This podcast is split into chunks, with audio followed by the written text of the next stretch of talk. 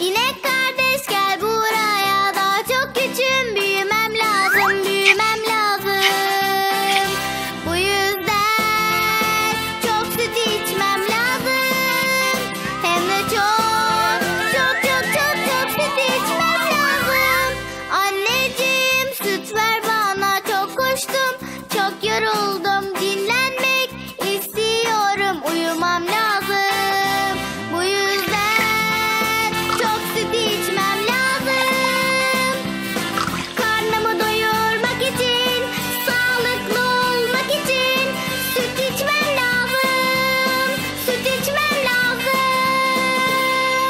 Hacı Ömeroğlu probiyotik sütlerinin sunduğu Sizi Tenzih Ederim başlıyor.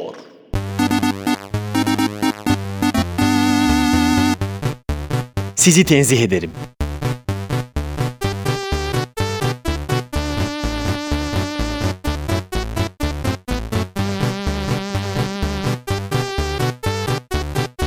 Gölgesinden korkan bir radyo programı.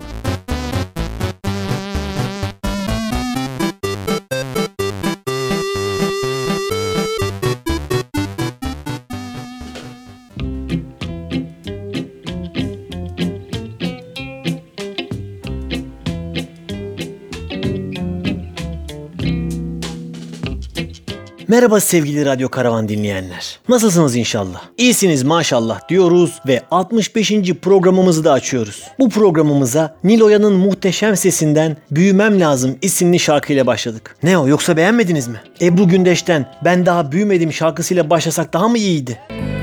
Yıl kaç olursa olsun Ben daha büyümedim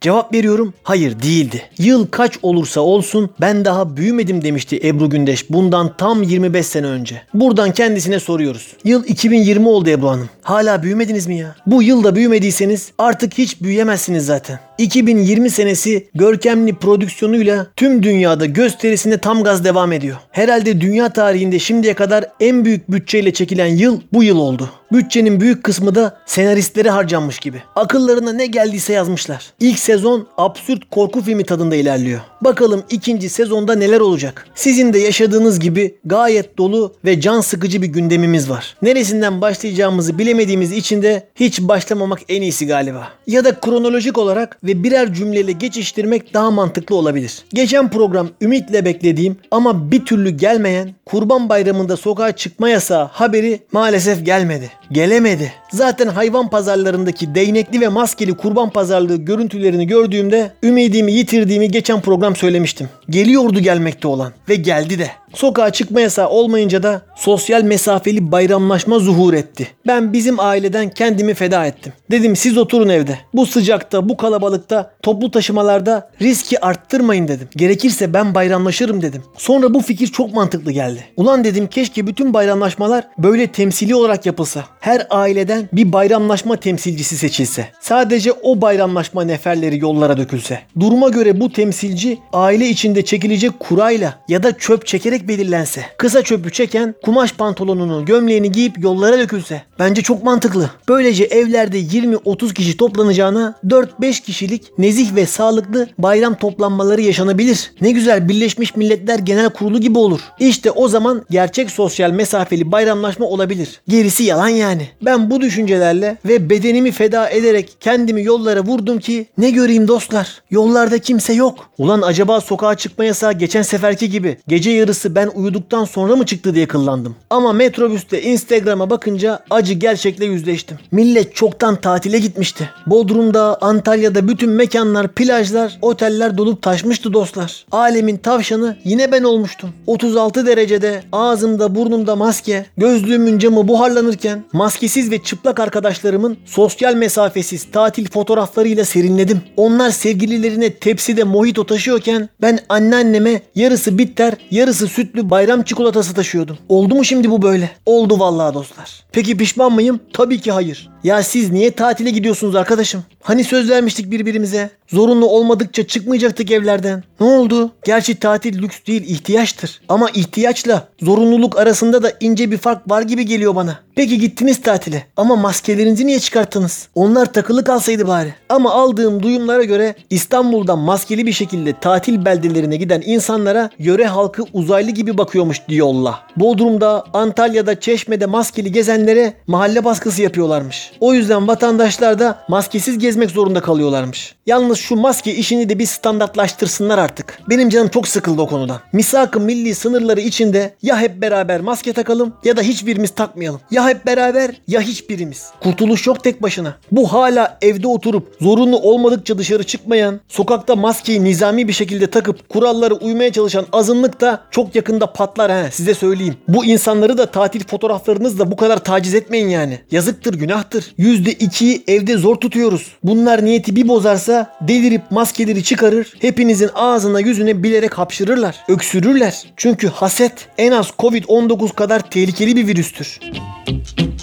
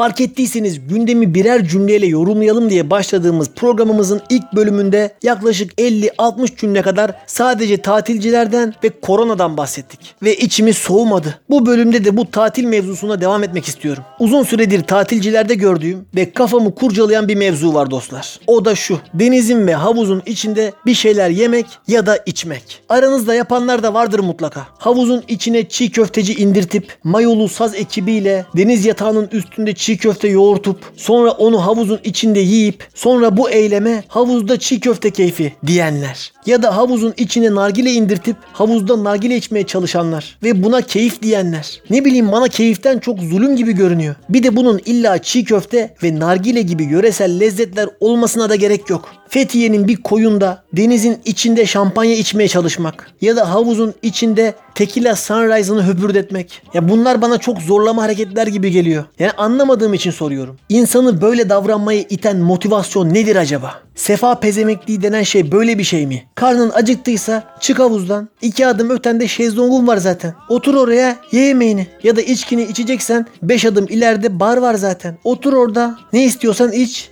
Neden havuzun içinde yapıyorsun bunları? Hayır bir de pis bir şey. O havuzu herkes kullanıyor. Sen oradan klorlu sulu ellerinle parmak patatesi tutup ketçaba bandırdıktan sonra o ketçabın havuza damlamayacağı ne malum? Ya da bütün tepsi devrilse ne yapacağız? Koskoca havuz mundar olur. Ha havuza işemişsin ha yemek dökmüşsün. Aynı şey bence. Bu arada havuzda insanların gözlerinin kızarmasının sebebi klor değil havuzdaki idrardır diye bir bilgi okudum. Ama doğruluğunu araştırmadım. Umarım doğru değildir. Ama benim kafamda ve büyük ihtimalle artık sizlerin de kafasında hep doğru olarak kalacak. Her neyse. Ne diyorduk? Denizde ve havuzda yiyecek içecek tüketme fetişizmi. Adam yatla harika bir koya demirlemiş. Deniz masmavi pırıl pırıl. Girmişler denize 10 kişi. Hepsinin ellerinde şampanya kadehi. Önlerinde peynir tabakları filan. Ne oluyor abi ya? Yatta yapsanız onları. Kocaman yat var orada. Niye denizi riske atıyorsunuz? Hem yatta daha kolay olur. Böyle zor yani. Hem suyun üstünde kalmaya çalışıyorlar. Hem ellerindekini dökmemeye çalışıyorlar. Hem de yaptığı eylemden zevk almaya çalışıyorlar. Çok zor yani gereksiz. Bunun bir başka versiyonu da doğrudan suyun içine konulmuş masa ve sandalyelerde yemek yemek. Ben bu konsepti yıllar önce ilk kez Bodrum Merkez ve Gümüşlük'te görmüştüm. Ya neden? Niye? Onda da bir sürü risk ve mantıksızlık var. Denize çatal düşer, kaşık düşer, cep telefonu düşer. Yemek yerken biraz ayağın ıslansın diye şu aldığın riske değer mi? Ayrıca bu nasıl bir zevk? Bir de diyelim sevgilinle romantik bir yemek yiyeceksin. Daha romantik olsun diye de suyun içindeki masayı tercih ettin. Nasıl oluyor tam olarak? Kıyıda ayakkabıların arkasına basıp çıkarıp sonra çorapları ayakkabının içine koyup paçaları sıvayıp mı denize giriliyor? Camiye gider gibi, abdest alır gibi romantik akşam yemeğine mi gidilir? Hadi diyelim façayı bozmadan ayakkabıları çıkardın.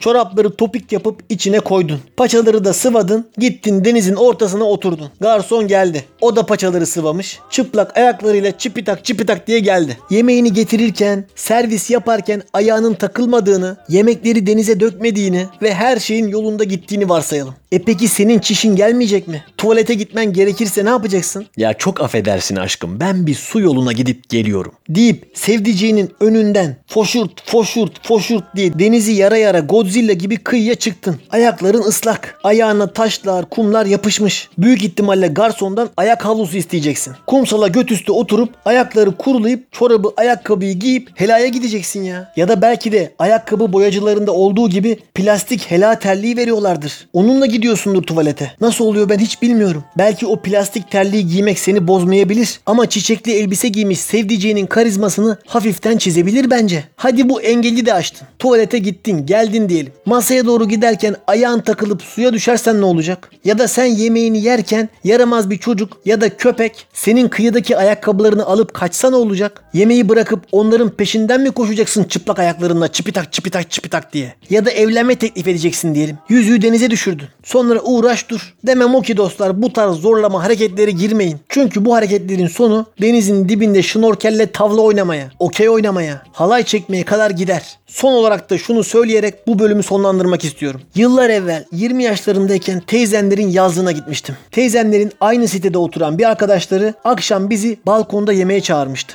Mangallar yakıldı, yenildi, içildi. Gecenin ilerleyen saatlerinde ev sahibi adam ben akşamları hortumla balkona su veriyorum. Çıplak ayakla ailecek üstüne basıyoruz. Çok güzel oluyor dedi. Biz Allah Allah filan dedik. He vallahi çok güzel oluyor. Bu sıcakta serin serin ayaklar suyun içinde çok güzel oluyor diye bir saat bu eylemi övdü. Sonra hanım hortumu getirsene dedi. Dedim eyvah. Hanımı hortumu getirdi. Balkonda yere koyup suyu açtılar. Balkon bir anda Venedik kanalları gibi oldu. Herkes terlikleri çıkarıp şıp şıp şipitak şipitak diye ayaklarını suya vurmaya başladı. Ben terlik giymeyi sevmediğim için ayağımda çoraplarım ve ayakkabılarım vardı. Bunların suyunu kirletmemek adına hemen çorapları ve ayakkabıları çıkarıp elime aldım. Bir elimde ayakkabılarım, bir elimde çatalım. Ayaklarım ıslak bir şekilde köfte yemeye çalışıyordum. Sonrasını hatırlamıyorum. I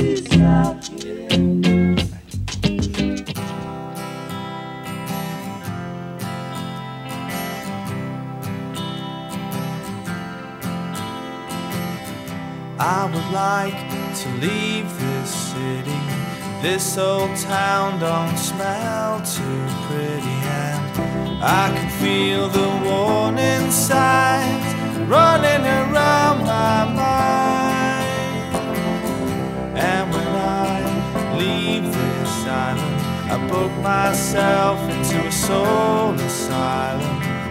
Cause I can feel the warning signs running around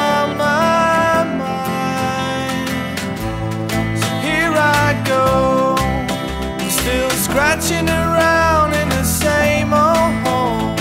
My body feels young, but my mind is very old. So, what do you say? You can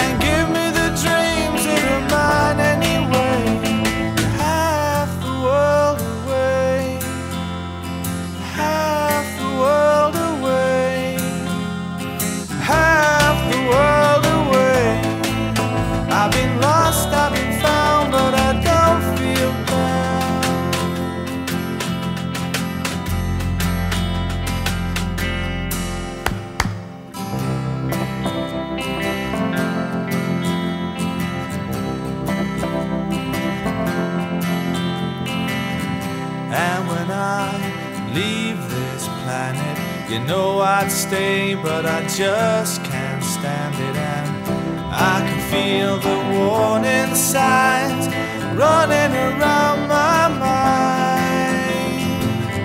And if I could leave this spirit, I'll find me a hole and I'll live in it. And I can feel the warning signs running around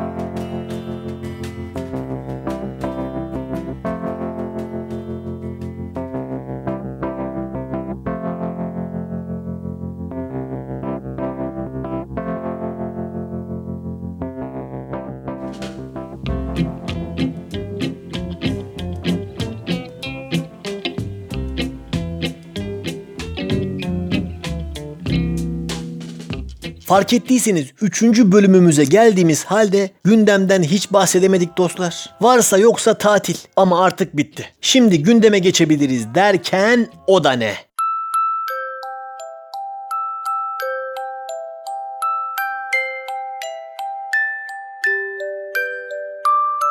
Beyin yakan çocuk şarkıları.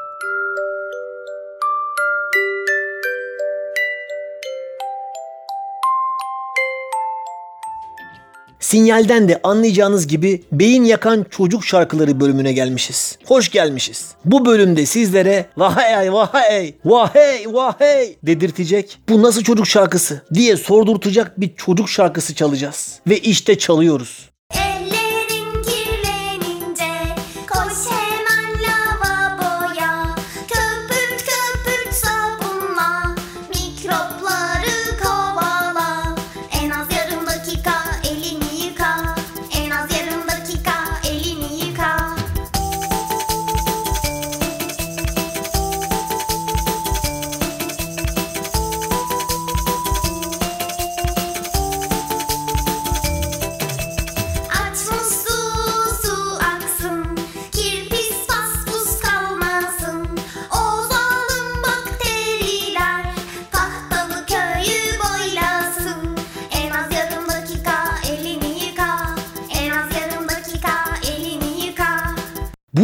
Bu bildiğin tabelaya bakalım göbek atalım, tabelaya bakalım göbek atalım ya da daha bilinen haliyle çalmadan oynar bizim ayılar, çalmadan oynar bizim ayılar. Bu bildiğin o ya. Ya bu bildiğin Antep çiftetellisi dostlar. Bir de üstüne o zalim bakteriler tahtalı köyü boylasın diye söz yazıp çocuk şarkısı yapmışlar ya. Klibinde de 3D olarak bakteri mezarlığı filan yapmışlar. Allah sizi inandırsın. Yani olacak iş değil. Olacak iş değil diyoruz da olacak iş galiba. Çünkü izlenme oranlarına inanamazsınız. 30 milyonlar, 85 milyonlar, 130 milyonlar ya. Tam bir çılgınlık hali. Sonra çocuklarımız Hayatımız niye böyle oluyor? Olur tabi. Bu Kukuli diye bir sayfa. İsme bak ya Kukuli. Sanırım ismi Kukuli olan ve Allah'ına yan bakan çikin mi çikin bir maymun var. Kliplerde başrolde hep o var. Diğer 3D çocuklarla sürekli göbek atıyor maymun. Zaten bu 3D modellemeyi ülkemize kim getirdiyse getirdiği gibi alıp götürsün lütfen. Bu ülkede özellikle çocuklar için 3 boyutlu karakter modelleme yapmak yasaklansın. Ya hepsi mi çirkin olur? 3D'yi bol bulmuşlar. Her yerlerini modelliyorlar.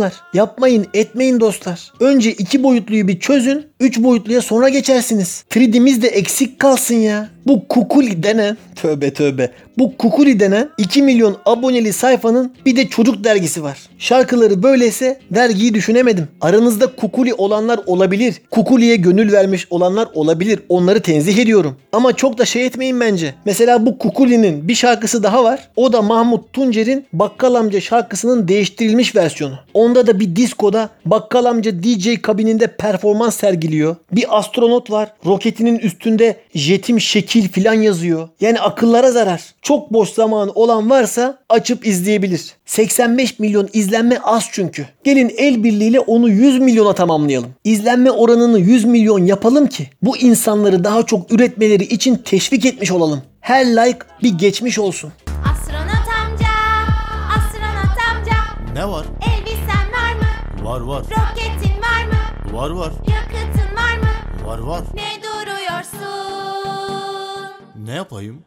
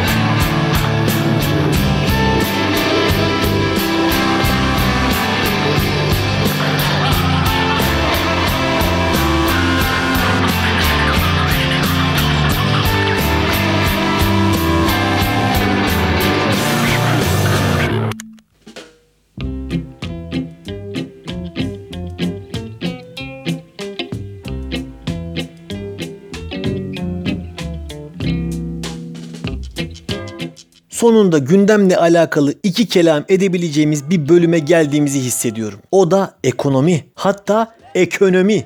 Ne oldu dostlar ekonomiye? Bir şeyler oluyor galiba. Altın, dolar, euro, borsa laflarını çok duymaya başladım yine bu aralar. Kesin bir şeyler oluyor yani. Bir şey olmasa da kesin bir şeyler oluyor. Ben hatırlıyorum. Bu programa yeni başladığımız zamanlarda çeyrek altının fiyatını, bir şişe biranın, bir paket sigaranın fiyatını filan sorduğum bir ekonomi testi yapmıştım. Orada çeyrek altın 420 lira filandı. Şimdi bayağı coştu galiba. Çarşı karışınca da bir sürü iktisadi yorum okumaya başladık sağda solda. Benim için gerçekten zor bir süreçti. Çünkü ben hiç anlamam dostlar. Kafam basmıyor benim. Millet ne güzel konuşuyor. Ons altın diyor, dolar euro dengesi, endeks diyor, faiz oranları, Merkez Bankası, rezerv filan diyor. Diyor da diyor. Ben de öyle mal gibi bakıyorum. Ama mal gibi bakmakta da haklıyım bence. Çünkü bu iş uzmanlık gerektiren bir iş. Bu iktisat, ekonomi, mali işler zor işler. Herkes anlayamaz. Ama herkes anlamasa da maalesef herkes konuşuyor dostlar. Bir de gözlemlediğim kadarıyla dünyada pek rastlanmayan bir şey oluyor ülkemizde. Ekonomi gibi sayılarla, hesaplarla, pozitif bilimle yapılan, sonucu kesin olması gereken bir disiplinde bile biz işin içine duygusallığı, duygularımızı filan karıştırabiliyoruz. Yani mantık olarak hesaplar yapılır.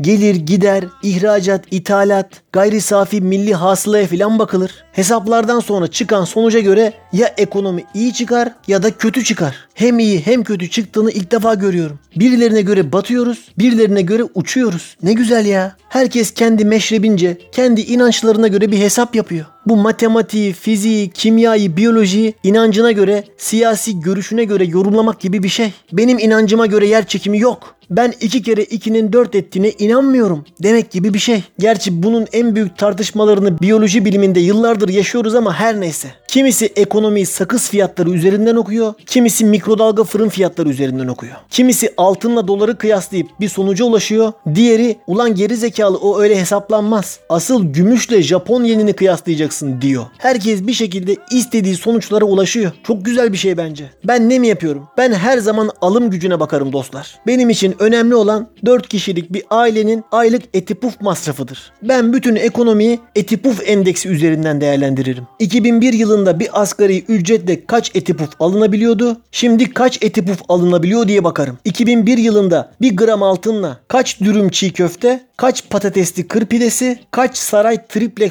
gofret alınabiliyordu? Şimdi kaç tane alınabiliyor diye bakarım. Benim olayım bu çünkü. Gerisini anlamıyorum ve çok sıkılıyorum dostlar. Benim için 1 milyon dolarla 1 milyar dolar aynı şey. İkisi de çok para. En çok üzüldüğüm şey de cebinde 50 doları olmayan adamların sabahtan akşama kadar ekonomi konuşmaları. O adamlar 5 milyon dolar dedikçe, 2 milyon avro dedikçe benim yüreğim parçalanıyor dostlar. Nasıl da iştahlı konuşuyorlar var ya. Görseniz fabrikatör sanarsınız. Yemin ederim Vehbi Koç bu adamlar kadar milyon dolar dememiştir. Bunların resmen diline vurmuş. İnsanların sahip olmadığı bir şey hakkında bu kadar konuşması beni çok hüzünlendiriyor. Zenginin malı züğürdün çenesini yorar lafını hangi ata bulmuşsa elini öpmek lazım. Süper tespit. Şimdi futbolda transfer dönemi ve Futbol Federasyonu ile UEFA kulüplere harcamalarla ilgili bazı kısıtlamalar getirdi. Artık harcama limitleri var. Spor programlarında da bütün gün bunlar konuşuluyor. Bütün o futbolcuların bonservisleri, bonusları, imza paraları,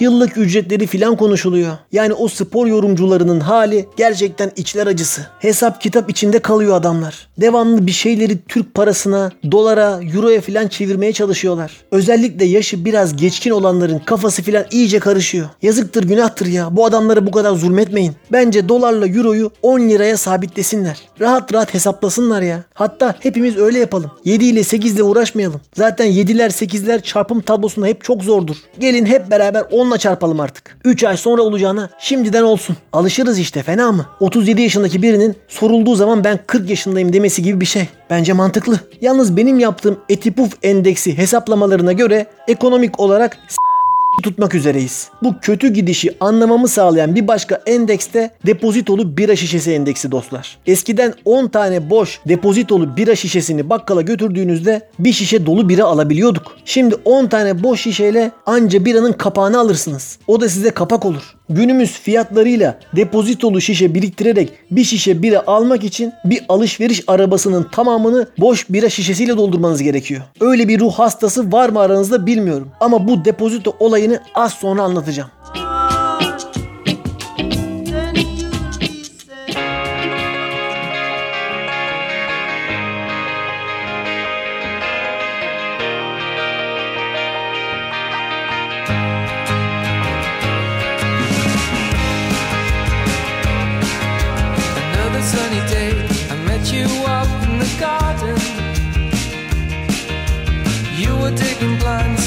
Do you beg your pardon.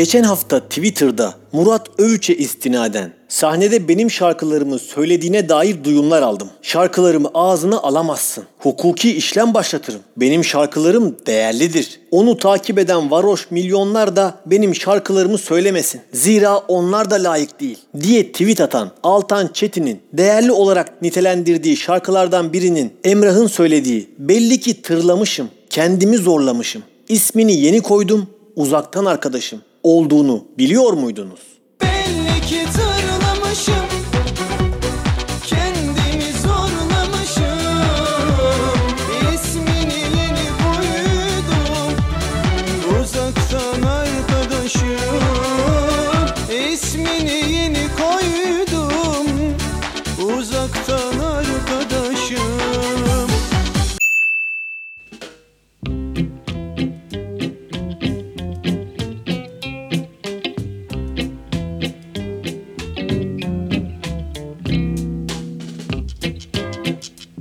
Bu depozitolu şişeler, promosyonlu, bedavalı ürünler bende hep bir gerginlik yaratır dostlar. Çünkü o kampanyaya katılmadığımda, o paketin içinden çıkan bedava ürünü almadığımda, kupon kodunu bir yerlere gönderip çekilişe katılmadığımda verdiğim paranın bir kısmı boşa gitmiş gibi hissederim. Sanki hakkım olan bir şeyi almamışım gibi, alacaklı gibi, hayattan alacağı olan bir insanmışım gibi hissederim. Az önce söylediğim gibi depozitolu şişeler eskiden iyiydi. Mesela 1 litrelik cam kola şişesi olsun, FSBC'nin kahverengi tombul şişesi olsun, seks süt şişesi olsun. Bunlar biriktikçe götürür, yaptığımız alışverişlerde faydasını görürdük. Yeri gelir ekmeği, yoğurdu, sütü bedavaya getirirdik. O zamanlar değiyordu yani o şişeleri bakkala taşımaya. Ama şimdi öyle mi? Yine depozitolu şişeler var ama yine 15 kuruş. E bunlar 30 sene önce de 15 kuruştu. Yani nasıl oluyor da bir şişenin fiyatı 30 senede hiç artmıyor? Hep 15 kuruş anasını satayım. Standart. Fiyatı anayasayla sabitlemişler gibi. Eskiden diğer bir faydasını gördüğümüz promosyonlar da dondurmaların bedavalarıydı. Max'ın bedava dondurma kazandıran çubukları olsun, Süper Kornet'in anında bedava normal kornet kazandıran kampanyası olsun. Bunlar hep yüzleri güldüren kampanyalardı. Ama ben cipslerin bedava promosyonlarını hiç sevemedim dostlar. O yağlı yağlı paketin içinden vıcık vıcık bedava kuponunu ayırmak. Sonra onu bir gün alırım nasıl olsa ümidiyle mutfak tezgahının üstüne koymak. Sonra onların iyice birikmesi ve her mutfağa su içmeye girişinizde size vicdan azabı gibi bakması beni çok rahatsız eder. Bir de gidersin bakkala adam o bedavaları vermek istemez. Bizde yok der.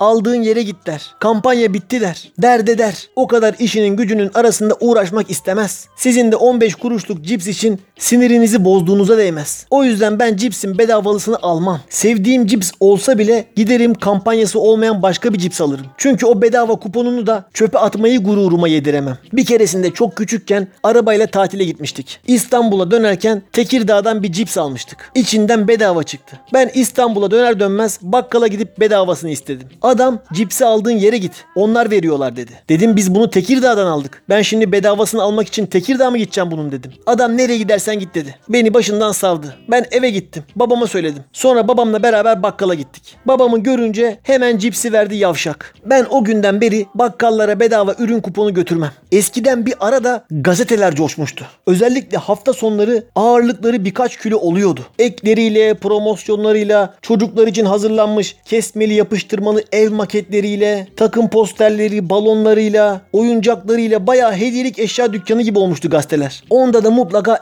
eksikler çıkardı. Çünkü o zamanlar eklerini gazetelerin içlerine koymazlardı. Ekler de gazetelikte ayrı bir yerde dururdu. Diyelim ki milliyet alacaksınız. Bayiye gittiniz. Adam önce milliyeti alır, tezgaha koyar. Sonra milliyetin cumartesi ekini alır, üstüne koyar. Magazin eki varsa onu bulur, onu koyar. ÖSS deneme testi, takım posteri, çocuk maketi, balondu, oyuncaktı. Her şeyini tek tek bulup ayrı ayrı hazırlar. Hal böyle olunca da mutlaka eksikler çıkardı. Sabah kahvaltısından sonra babam gazeteyi aldığında oğlum bu gazetenin spor eki nerede? Ya da oğlum adamlar milliyetin cumartesi ekini vereceğine hürriyetinkini vermişler. Git bunu değiştir derdi. Artık o saatte kaldıysa ikinci posta gazeteye gidip eksik ekleri toparlamaya çalışırdık. O saatte diyorum çünkü bir de tuhaf bir şekilde gazetelerin ekleri biterdi. Gazeteler duruyor ama ekleri bitmiş. Gazeteler bayilere ekleri doğru sayıda göndermezlerdi çünkü. Allah'tan artık gazete filan kalmadı da bu gereksiz işlerden de kurtulduk. Bir de kupon işkencesi vardı.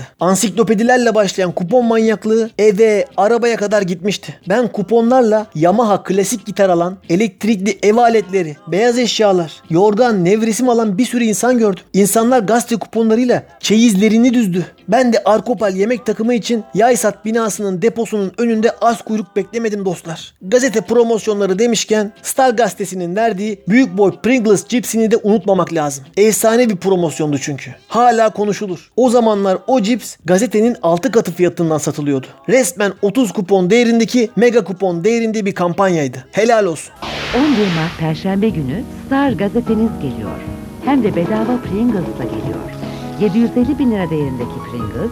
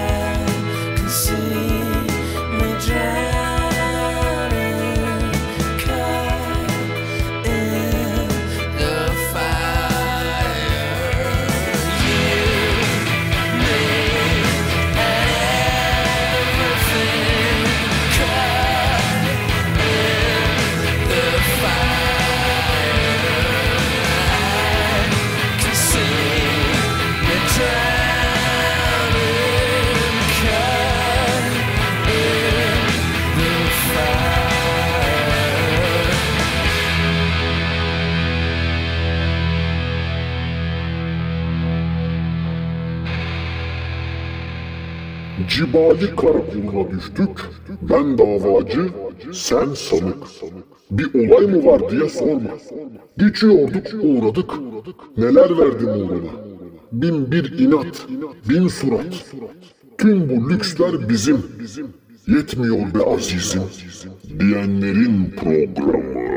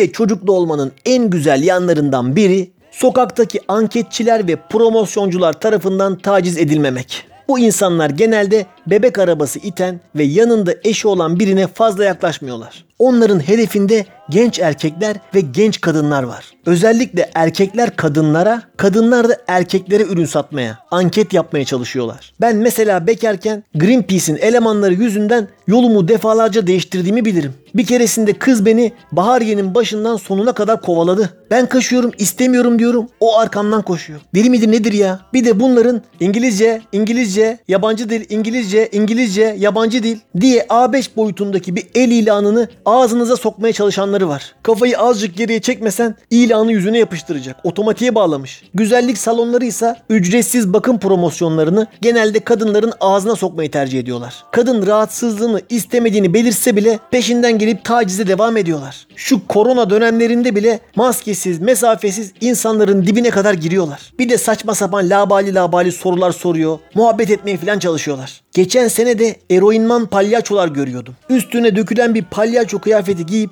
kafasına renkli bir peruk takıp küçük çocuklu aileleri yanaşmaya, çocuğun aklını çelmeye, yavrucağa balon filan uzatmaya çalışıyorlardı. Neyse ki pek kalmadı onlardan. Ben bütün bu saydıklarıma ayrı ayrı uyuz oluyorum. Ama uzak ara en uyuz olduklarım Atatürk kartpostalı satanlar. Atatürk kartpostallarını almışlar. Sanki bedava dağıtıyormuş gibi insanlara uzatıyorlar. İnsanlar alınca da peşlerinden gidip para istiyorlar. İnsanlar geri vermek isteyince de almıyorlar. Millet de üzerinde Atatürk var diye yere atmak istemiyor. Ben böyle çok kavga edeni gördüm. O ne öyle artık ya? Bir de kartpostalı insanları uzatırken şöyle diyorlar. Atamızı alır mısınız? Buyurun atamız. Atamızı verelim. Ne oluyor ya? Sanki İskender kebap satıyor. Alır mıyız abicim bir ata? Atam çok güzel abi. Vereyim bir ata abime. Yatacak yerleri yok dostlar. Geçen gün ailecek parka gittik. Ben bizimkileri parkta bırakıp su, çekirdek filan almaya markete gittim. Gitmişken de bir şişe bira alayım dedim. Parkta it gibi içerim dedim. Aldım alacaklarımı. Tam marketten çıktım ki bir anketör çocuk önümü kesti. Meğerse marketin önüne pusu kurmuş. Uzaktan uzaktan bira alanları kesiyormuş. Bira ile ilgili bir anket yapıyormuş. Çocuk bira ile ilgili bir anket yapıyoruz abi diye tam yanıma gelecekti ki ya kusura bakma hanımla çocuk bekliyor dedim. A tabi abi dedi hemen gitti. Beni ikiletmedi. Hatta biraz da mahcup olduğunu hissettim. Neredeyse özür dileyecekti. İşte bu gibi durumlarda evli ve çocuklu olmak çok iyi oluyor dostlar. Bahaneniz çok sağlam oluyor çünkü. Bekar olsam allemeder kallemeder o anketi yapardı o çocuk.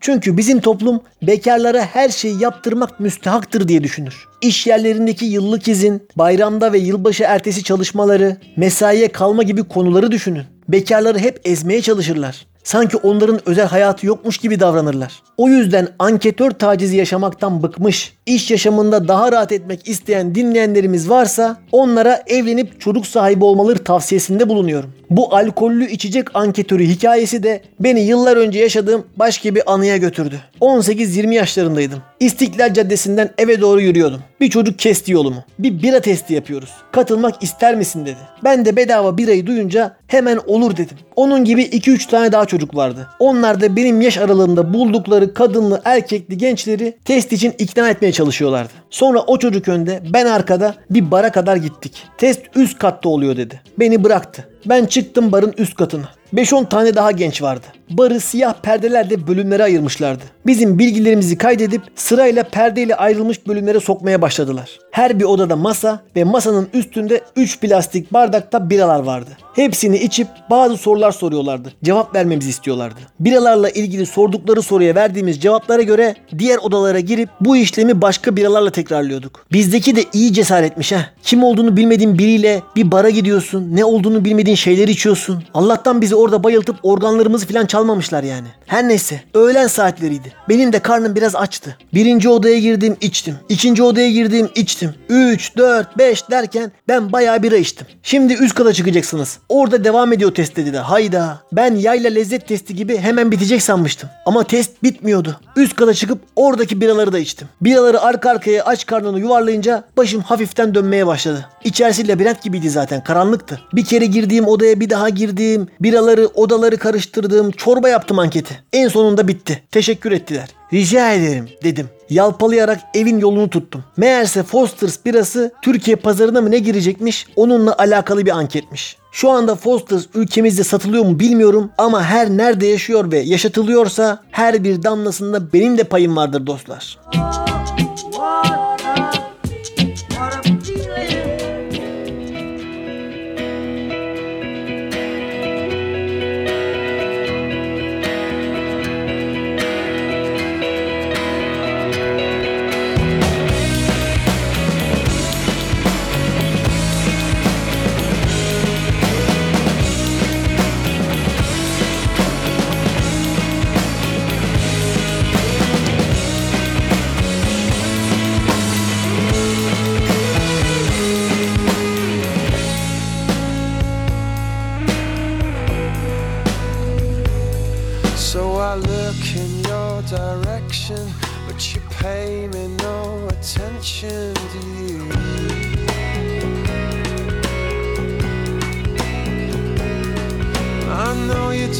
listen to me, cause you say you see straight through me, don't you?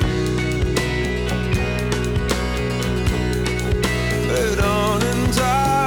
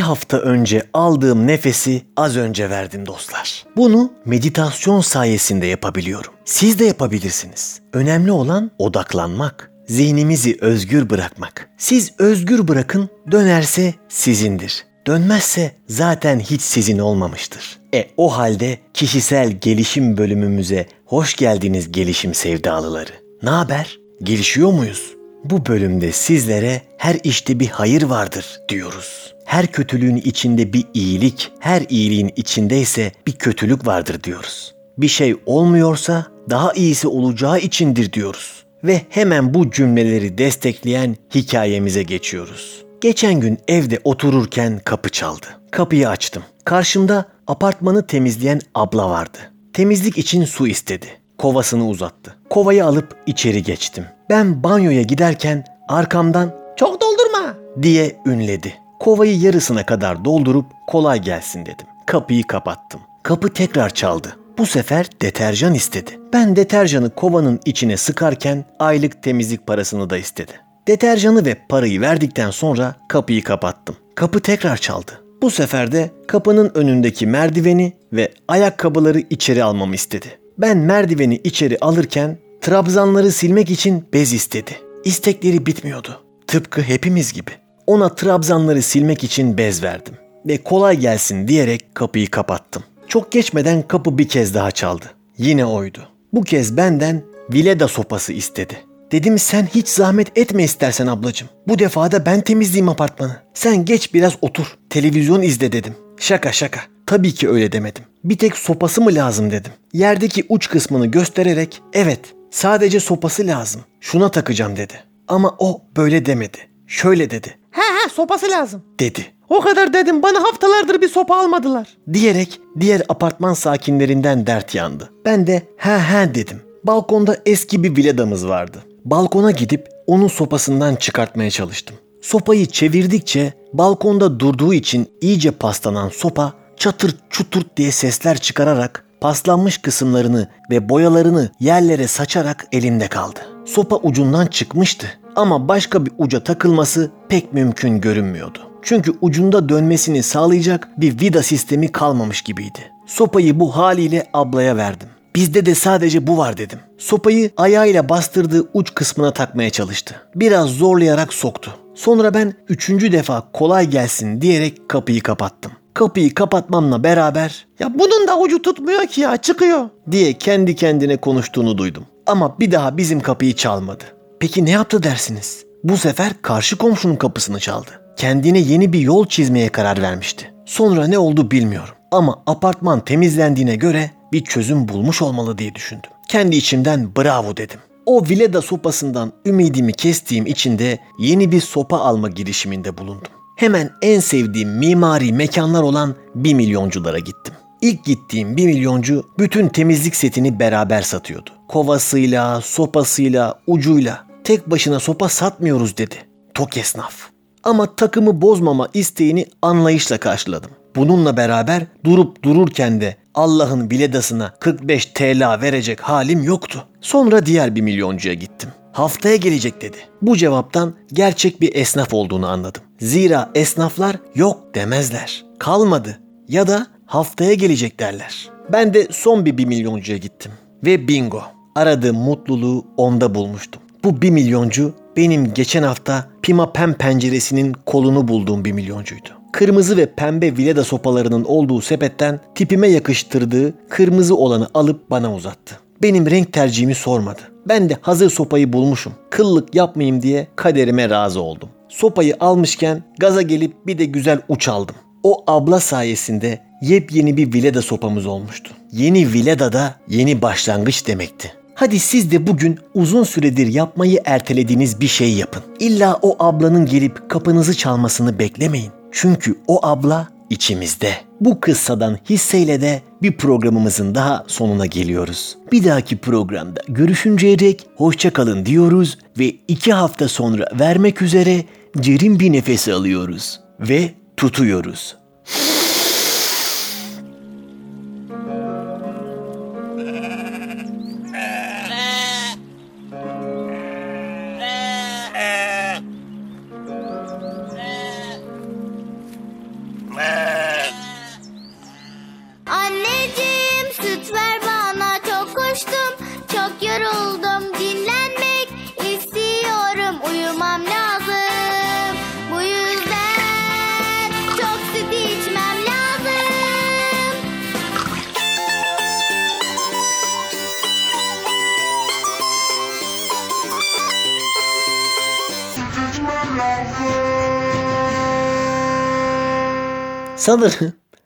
Sanırım ismi Kukuli olan sanırım sanırım ismi Kukuli olan ve Allah'ına yan bakan çikin mi çikin bir maymun var. Bu Kukuli denen tövbe tövbe bu Kukuli denen bu Kukuli denen aranızda kuku Kukuli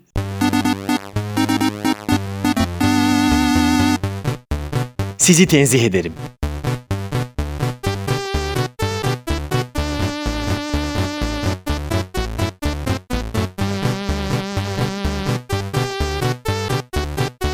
Gölgesinden korkan bir radyo programı.